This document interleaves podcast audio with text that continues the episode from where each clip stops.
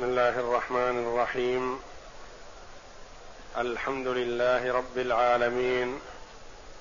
والصلاة والسلام على نبينا محمد وعلى آله وصحبه أجمعين. وبعد بسم الله. أعوذ بالله من الشيطان الرجيم. الزاني لا ينكح إلا زانية أو مشركة. والزانية لا ينكحها إلا زان أو مشرك وحرم ذلك على المؤمنين. والذين يرمون المحصنات ثم لم يأتوا بأربعة شهداء فاجلدوهم. والذين يرمون المحصنات ثم لم يأتوا بأربعة شهداء فاجلدوهم ثمانين جلدة. ولا تقبلوا لهم شهادة أبدا وأولئك هم الفاسقون. إلا الذين تابوا من بعد ذلك وأصلحوا فإن الله غفور رحيم. قوله جل وعلا الزاني لا ينكح إلا زانية أو مشركة. والزانية لا ينكحها إلا زان أو مشرك وحرم ذلك على المؤمنين. ما المراد بالنكاح هنا؟ أهو النكاح بالعقد أم المراد به الوطء بالزنا؟ الوطء. الزاني لا ينكح إلا زانية أو مشركة. وهل هذه الآية منسوخة أم لا؟ أقوال للعلماء رحمهم الله. قال بعض العلماء هذه الآية منسوخة بقوله جل وعلا وأنكحوا الأيام منكم والصالحين من عبادكم الآية. وقال بعضهم ليست منسوخة.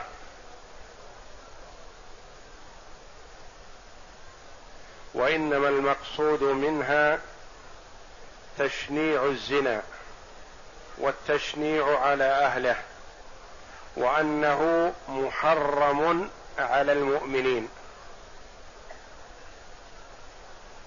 ويكون معنى الزاني لا ينكح أي الوطأ.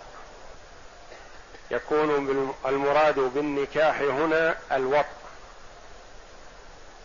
أي الزاني لا يزني إلا بزانية. والزانية لا تزني إلا بزان أو مشرك. إلا بزان يعني المراد بالنكاح هنا الوطء الذي هو وطء الزنا المحرم. يعني لا يقدم على هذا الفعل ويميل إليه إلا من اتصف بهذه الصفة أو صفة أقبح وأعظم شناعة وهي الشرك بالله. لأن الشرك يعم المعاصي يعم الكبائر. وقد ورد النكاح في كتاب الله بالوطء فسره بذلك النبي صلى الله عليه وسلم. فإن طلقها أي بعد الثالثة. فإن طلقها أي الثالثة فإن طلقها فلا تحل له حتى تنكح زوجا غيره.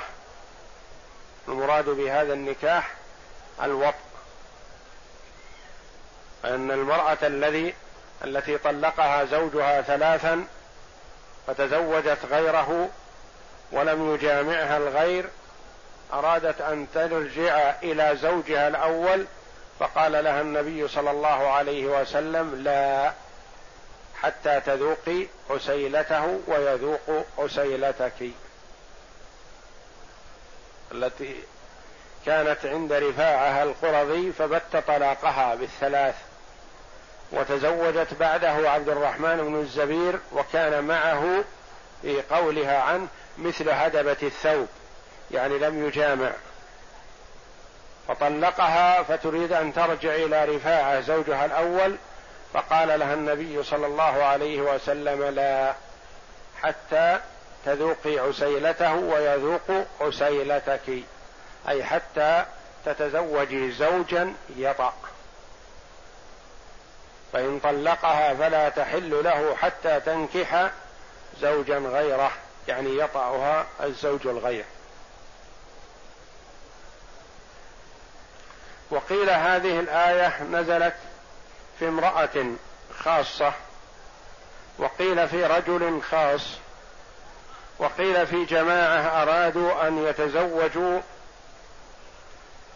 من البغايا لكونهن ذوات أموال وينفقن على أزواجهن من كسبهن. فنهوا عن ذلك. وقيل المراد لا الزاني المحدود في الزنا الذي أقيم عليه الحد لا يجوز أن يتزوج إلا مثله. امرأة زانية أقيم عليها الحد. وروي عن علي رضي الله عنه أن رجلا تزوج بامرأة ثم زنى فأقام أهل المرأة أهل الزوجة الدعوى عليه ففرق النبي صلى الله عليه وسلم بينه وبين امرأته وقال لا يحل لك أن تتزوج إلا محدودة مثلك.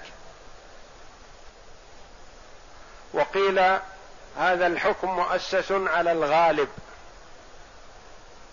أي أن الرجل الذي حصل منه الزنا لا يميل ولا يرغب أن يتزوج العفيفة الصالحة الدينة المستقيمة. وإنما يرغب أن يتزوج مثله من فيها شيء من الطبع الفاسد. وكذلك المرأة التي فيها فسق وفجور لا تميل ولا ترغب في الرجل الصالح المستقيم وإنما ترغب في رجل فاسق مثلها. وكما يقال في المثل الطيور على أشباهها تقع. ولعل من المقصود بالآية الكريمة زجر المؤمنين ونهيهم عن أن يميلوا إلى من اقترفت هذه الفاحشة حتى وإن كانت جميلة. وإن كانت ذات مال وإن كانت ذات حسب ما دامت متصفة بهذه الصفة فلا يميل إليها إلا من هو مثلها. وأما الرجل الفاضل العفيف الشريف فلا يميل إلى مثل هؤلاء النساء.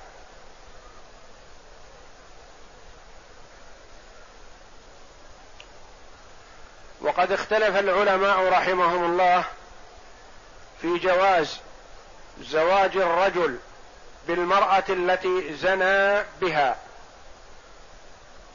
فأجاز ذلك بعضهم. وروي عن ابن عباس رضي الله عنهما. ومنعه آخرون.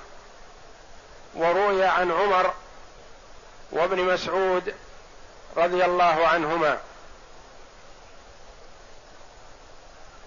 قال ابن مسعود إذا تزوج الرجل بالمرأة التي زنى بها فإنهما لا يزالا زانيين. وحرم ذلك على المؤمنين. أي يحرم على المؤمن الإقدام على الزواج بمثل من اتصفت بهذه الصفة. وذلك محافظة على نزاهته وطهارة فراشه ولئلا يلصق به من ليس منه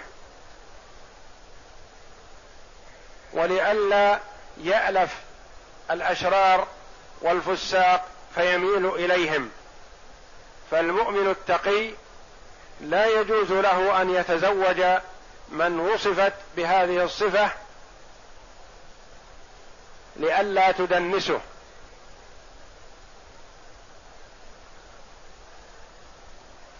وقيل إن هذا ليس بمحرم وإنما هو مكروه.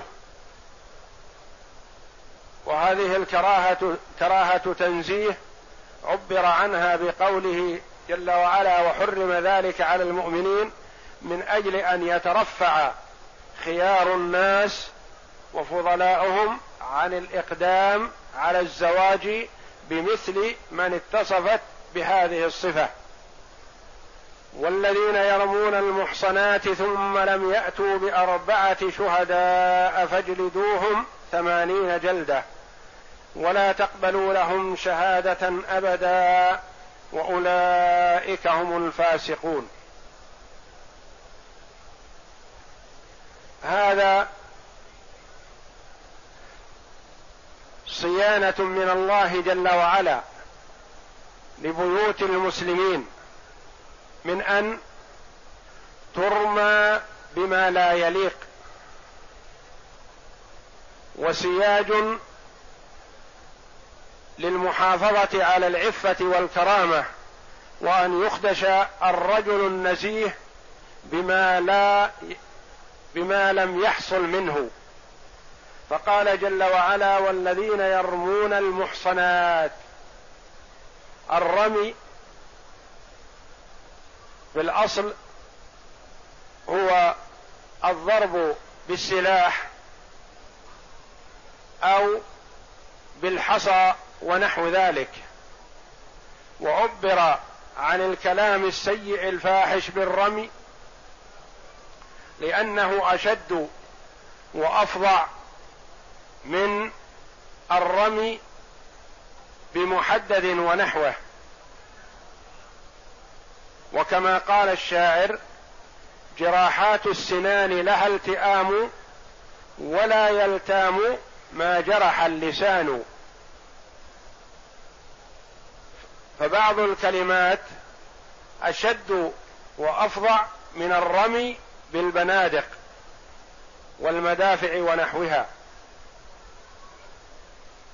فلذا قال الله جل وعلا والذين يرمون المحصنات ورمي المحصنة هو قذفها بالزنا أي وصفها بالزنا بأنها زانية. والمحصنات المراد بها النساء العفيفات. المحصنة المرأة العفيفة المسلمة. وحتى غير المسلمة إذا كانت عفيفة فلا يجوز رميها بالزنا. والذين يرمون المحصنات وقيل المراد المحصنات الأنفس فيشمل الرجال والنساء. وبالإجماع أنه يشمل التحريم والمنع رمي الرجال ورمي النساء. ولكن هل الآية في النساء والرجال تبع أم هي في الاثنين في الرجال والنساء؟ قال بعضهم هي في النساء فقط والرجال تبع وذلك لأن رمي النساء بالزنا افظع وأشد من رمي الرجال لأنه كما تقدم إذا رميت المرأة بذلك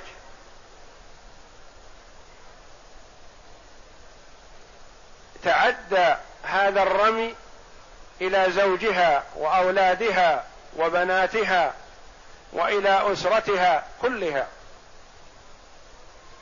في ذلك غضاضة وتأثير على الأسرة بأكملها بخلاف ما إذا رمي رجل بذلك. فلما كان رمي النساء افظع صار النهي عن رميهن والرجال تبع. وقيل الآية واللفظ في الرجال والنساء معا. وليس المراد النساء فقط وإنما المراد الأنفس المحصنات. والذين يرمون المحصنات أي الأنفس المحصنات. فيشمل الرجال والنساء. لأن كلمة المحصنات تشمل. ولهذا جاءت في كتاب الله لما أريد النساء قال والمحصنات من النساء إلا ما ملكت أيمانكم.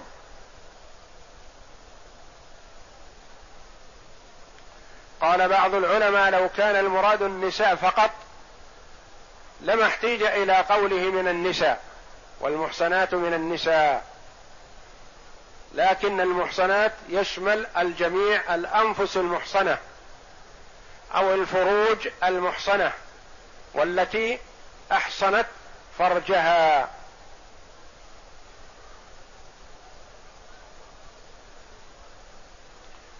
والذين يرمون المحصنات أن يقذفونهن بالزنا. بين الله جل وعلا حد القاذف. إذا قذف رجلا أو امرأة بالزنا فما حكم ذلك؟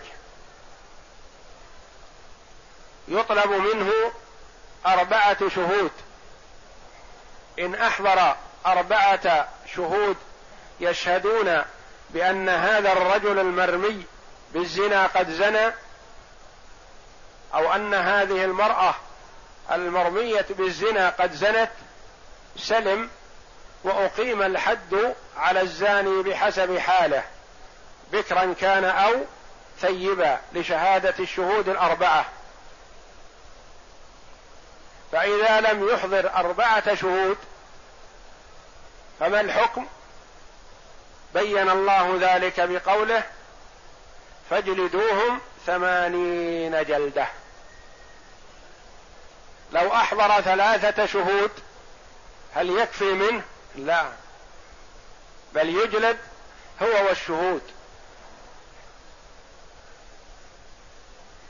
لأن عمر رضي الله عنه لما شهد عنده ثلاثة شهود على زنا شخص لم يحضر الرابع أقام عليهم حد القذف. جلد كل واحد منهم ثمانين جلدة.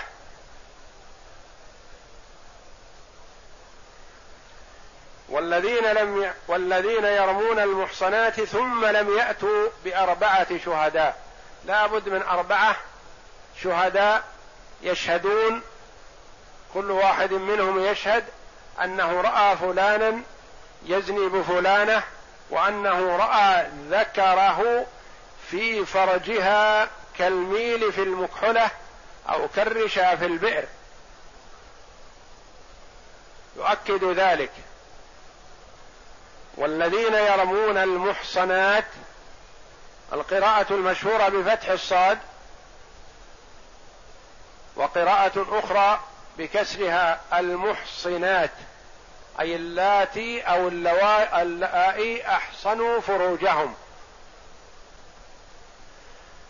والذين يرمون المحصنات ثم لم يأتوا بأربعة شهداء فاجلدوهم. إذا رمى ولم يحضر الشهود فيجلد ثمانين جلدة. فاجلدوهم ثمانين جلدة. ولا يكفي هذا بل ولا تقبلوا لهم شهادة أبدا. ما دام حيا لا تقبل شهادته. لما؟ لأن الله جل وعلا حكم عليه بالفسق والفاسق لا تقبل شهادته. وأولئك هم الفاسقون. انظر. التحصينات التي جعلها الله جل وعلا للرجال والنساء المحصنين من أن يرموا بداهية بقبيحة بفعلة شنيعة وهم منها براء. من رمى يطالب بأربعة شهود فإن أحضر سلم وأقيم الحد على الزاني وإن لم يحضر جلد ثمانين جلدة. ولا تقبل له شهادة ما دام حيا. وحكم عليه بالفسق بأنه فاسق. والفسق هو الخروج.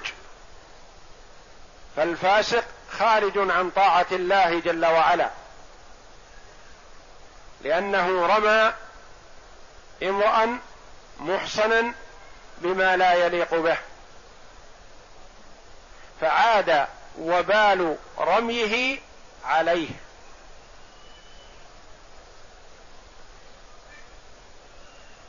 وأولئك هم الفاسقون. وأشير إليهم بإشارة البعد وذلك لانحطاط منزلتهم وخستهم ودناءتهم في تعرضهم للمحصنين بسوء وأولئك هم الفاسقون إلا الذين تابوا من بعد ذلك التوبة تجب ما قبلها. أعظم الذنوب عند الله جل وعلا الشرك بالله والمشرك إذا تاب تاب الله عليه. وكذلك الزاني افظع عملا من القاذف فإذا تاب تاب الله عليه. وذلك بنص القرآن. والذين لا يدعون مع الله إلها آخر ولا يقتلون النفس التي حرم الله إلا بالحق ولا يزنون. ومن يفعل ذلك يلقى أثاما يضاعف له العذاب يوم القيامة ويخلد فيه مهانا إلا من تاب وآمن وعمل عملا صالحا. فأولئك يبدل الله سيئاتهم حسنات وكان الله غفورا رحيما. وفي هذا حث من الله جل وعلا لعباده بالتوبة وأنه لا يستعظم ذنبه متى مهما عظم فليبادر بالتوبة الصادقة والله جل وعلا يتوب على من تاب. إلا الذين تابوا أي أنابوا إلى الله ورجعوا وأحسنوا العمل وكذبوا أنفسهم بعد إقامة الحد عليهم. إلا الذين تابوا من بعد ذلك وأصلحوا أي أصلحوا أعمالهم. واجتنبوا الأعمال السيئة. فإن الله غفور رحيم. يغفر لهم ويرحمهم وإن حصل منهم ما حصل. وهذا الاستثناء في قوله جل وعلا الا الذين تابوا من بعد ذلك هل يعود إلى الجمل الثلاث أو إلى الجملتين الأخيرتين أو إلى الجملة الثالثة الأخيرة؟ لأن الله جل وعلا حكم على الذين يرمون المحصنات بثلاثة أحكام. وهي فاجلدوهم ثمانين جلدة ولا تقبلوا لهم شهادة أبدا. الثالث وأولئك هم الفاسقون. ثلاثة أحكام على القاذف. إلا الذين تابوا التائب من الذنب كمن لا ذنب له.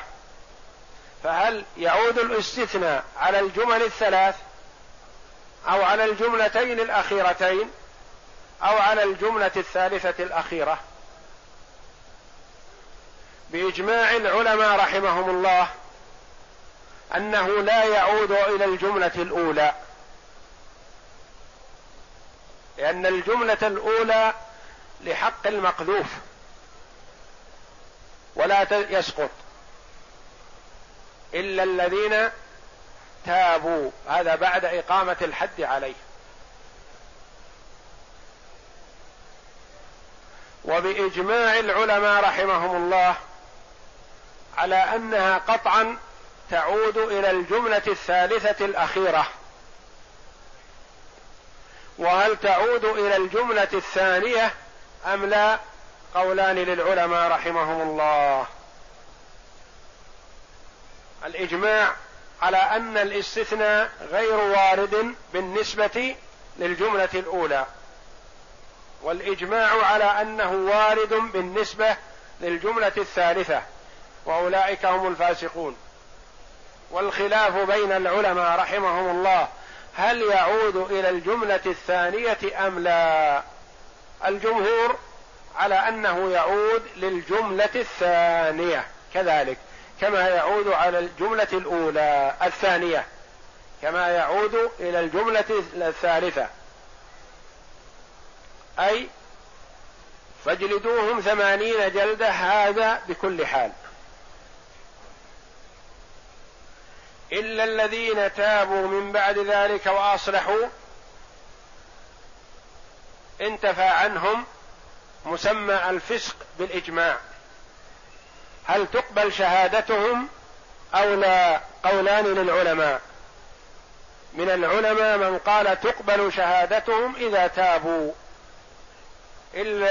إلا الذين تابوا فتقبل شهادتهم وليسوا وانتفى عنهم اسم الفسق.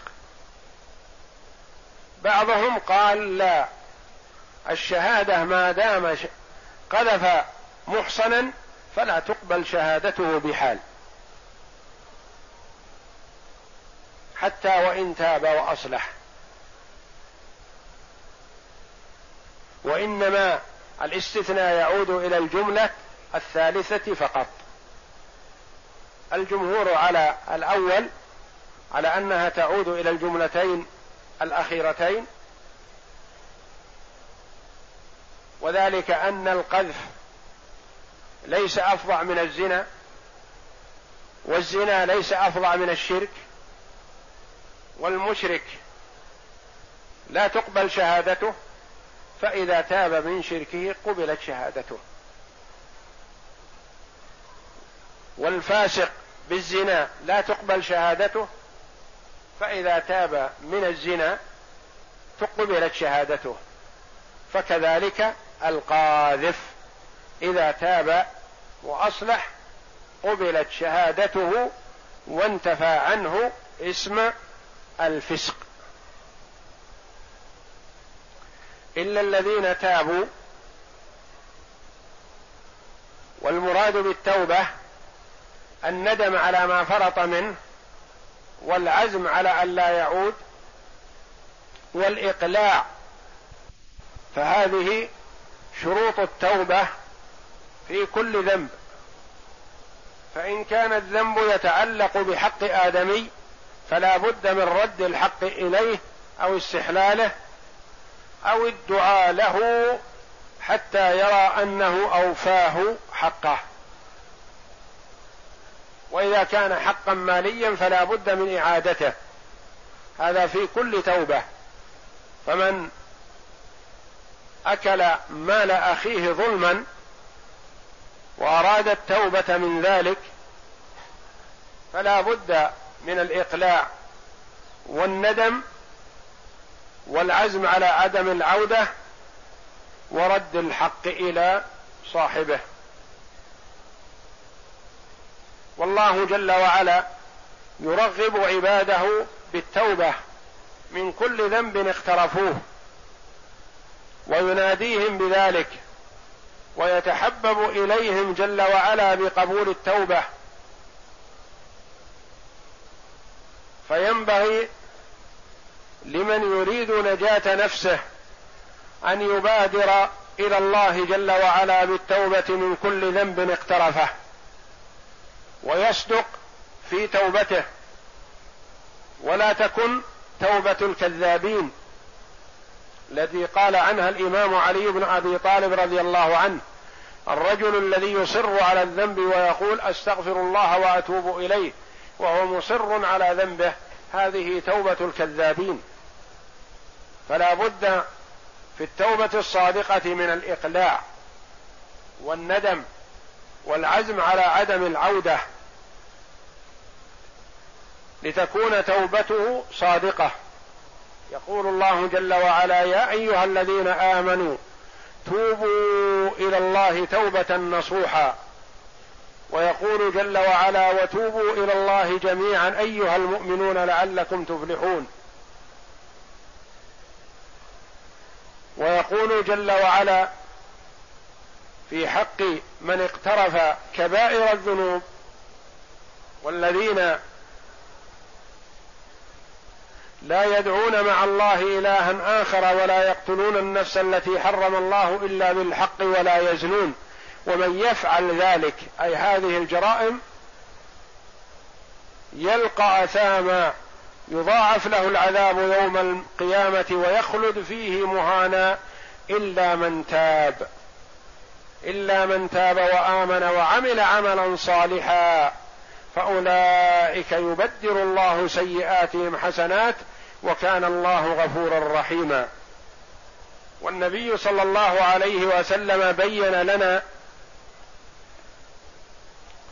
الرجل الذي قتل تسعة وتسعين نفسا.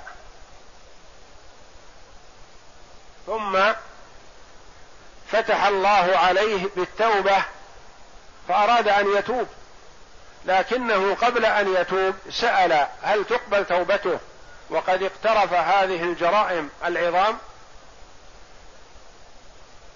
فدل على عابد ليس بعالم فسأله هل لي من توبة؟ فقال لا. قتلت تسعة وتسعين نفسا لا توبة لك.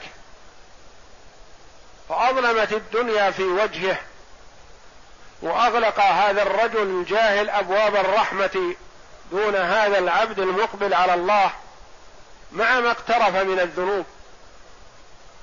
فاخترط سيفه وقتله. القاتل الذي قتل تسعة وتسعين نفسا كمل بهذا الرجل المئة لأنه أغلق أبواب الرحمة دونه. فسأل عن أعلم أهل الأرض فدل على عالم فذهب إليه وسأله. وقال له إنه قتل مئة نفس فهل له من توبة؟ قال نعم. ومن يحول بينك وبين التوبة؟ ولكن بلدك هذه بلد سوء الذي قتلت بها مئة نفس. اذهب إلى المكان الفلاني تجد فيها أناسا يعبدون الله فاعبد الله معهم. فذهب الرجل في طريقه. فجاءه ملك الموت لقبض روحه وهو في الطريق. فحضرت ملائكة الرحمة وملائكة العذاب. ملائكة العذاب تقول إنه لم يعمل خيرا قط وقتل مئة نفس فنحن أحق به. وملائكة الرحمة قالت إنه توجه إلى الله جل وعلا توجه إلى ربه تائبا فنحن أحق به.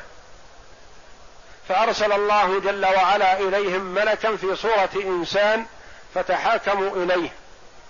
فقال قيسوا ما بين البلدين فإن كان إلى بلد التي توجه إليها بلد الأخيار أقرب فتقبضه ملائكة الرحمة. وإن كان إلى بلد الأشرار أقرب فتقبضه ملائكة العذاب. فقاسوا ما بينهما فوجدوه أقرب إلى تلك بشبر وفي رواية أنه ناء بعنقه إلى بلد الأخيار لما أتاه ملك الموت فصار أقرب بهذا المقدار فقبضته ملائكة الرحمة. فالله جل وعلا جواد رحيم غفور رحيم يحب من عباده أن يتوبوا إليه فيتوب عليهم. يقول جل وعلا وإذا سألك عبادي عني فإني قريب. أجيب دعوة الداع إذا دعان فليستجيبوا لي وليؤمنوا بي لعلهم يرشدون. وحث عباده على التوبة والنبي صلى الله عليه وسلم حث الأمة على التوبة. في أحاديث كثيرة وقال عليه الصلاة والسلام أيها الناس توبوا إلى الله فإني أتوب إلى الله في اليوم أكثر من سبعين مرة. وفي حديث آخر أتوب إلى الله في اليوم مئة مرة. فجدير بالعاقل الذي يريد نجاة نفسه أن يبادر بالتوبة الصادقة النصوح إلى ربه جل وعلا. ويغتنم هذه الأوقات الفاضلة وهذه الليالي المباركة التي يستجيب الله جل وعلا بها الدعاء. وليحقق شروط التوبة الصادقة النصوح.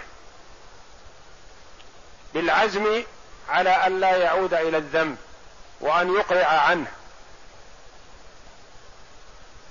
ولا يفضح نفسه بل يستتر بستر الله جل وعلا.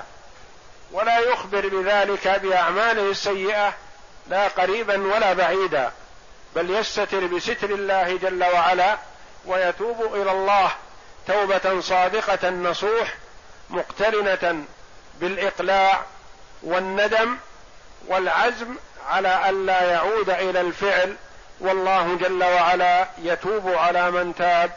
والتوبة تجب ما كان قبلها كما قال عليه الصلاة والسلام.